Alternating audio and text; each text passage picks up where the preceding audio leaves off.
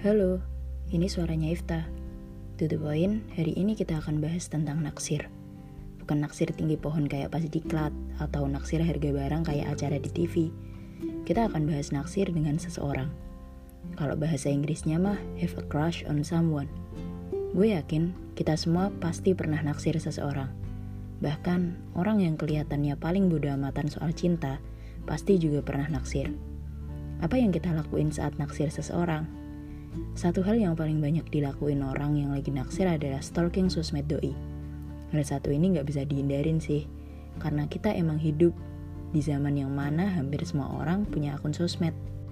Stalking juga gampang banget buat dilakukan. Kalau lo gengsi dan takut ketahuan stalking pakai first account, tinggal bikin second account deh. Gampang kan? Tapi masalahnya, gimana kalau di tengah-tengah fase naksir, lo menemukan fakta bahwa doi itu nggak bisa digapai? Lagi ngetren kan? Zaman sekarang yang kayak gitu. Menurut gue, nggak bisa digapai mah relatif. Itu semua tergantung usaha lo untuk menyingkirkan penghalang yang menyebabkan doi terasa tidak tergapai. Contoh nih, doi cuek, atau bahasa wetpadnya sikapnya kayak es, dingin. Namanya es, kalau ditaruh di bawah sinar matahari, lama-lama juga mencair kok. Dan sekarang gue akan bahas naksir yang gak bisa dipaksain. Gue yakin banget hal ini akan relate sama orang yang suka baca novel, nonton anim atau drakor, dan punya bias, baik K-pop maupun non-K-pop.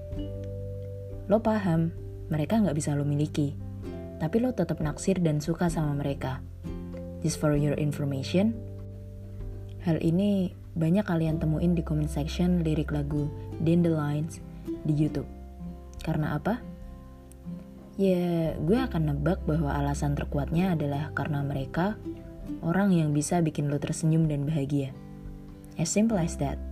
Seseorang yang bahkan gak tahu kalau kita ada di muka bumi. Atau bahkan yang kita taksir sebenarnya gak pernah benar-benar ada di dunia nyata. Tapi anehnya, mereka punya impact sebesar ini ke kita.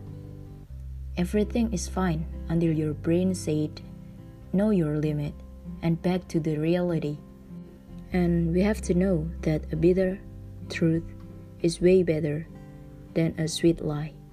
Sekian, terima kasih sudah mendengarkan. thank you